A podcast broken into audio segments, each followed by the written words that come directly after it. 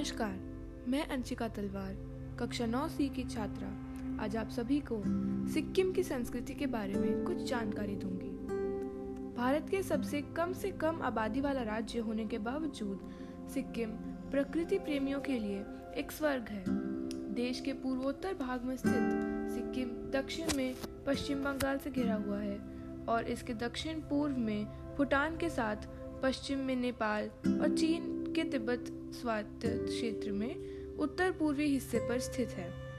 सुंदर पहाड़ों, गहरी घाटियों और जैव विविधता पर्यटकों के लिए सिक्किम का एक पसंदीदा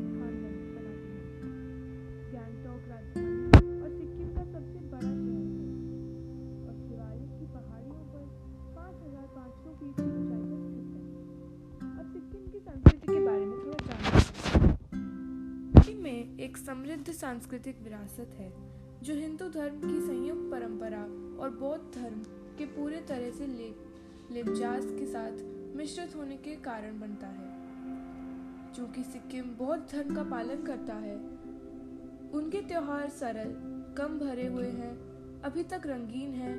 अधिकांश स्थानों में बौद्ध उत्सव जैसे द्रुक प्रेसी पांग लुपसोल सागा दावा, लोसोंग और दासेन का व्यापक रूप से मनाया जाता है।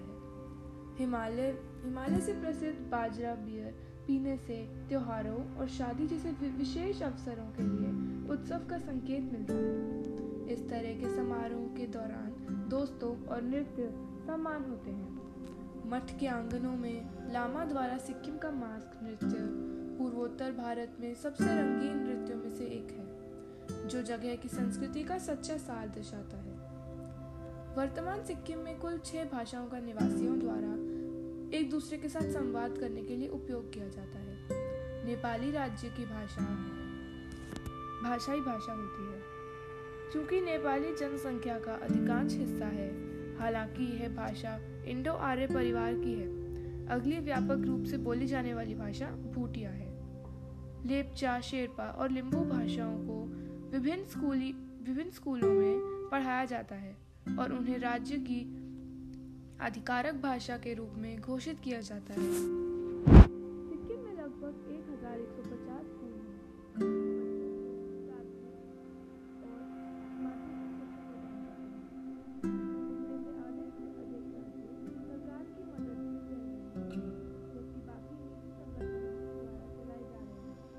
स्कूल शिक्षा के केंद्रीय बोर्ड से संबंध है। राज्य में करीब पंद्रह कॉलेज हैं। जो इच्छुक उम्मीदवारों को उच्च शिक्षा प्रदान करने के लिए समर्पित हैं। सिक्किम का केंद्रीय विश्वविद्यालय गैंगटॉक में स्थित है। गैंगटॉक स्थित तकनीकी विज्ञान के सिक्किम मणिपाल विश्वविद्यालय जैसे अन्य निजी विश्वविद्यालय हैं, जो दवा, इंजीनियरिंग और प्रबंधन में डिग्री प्रदान करते हैं। सिक्किम एक बहुत ही सुंदर राज्य है। हमें जीवन में एक बार तो ऐसी जगह का आनंद अवश्य लेना चाहिए। धन्यवाद।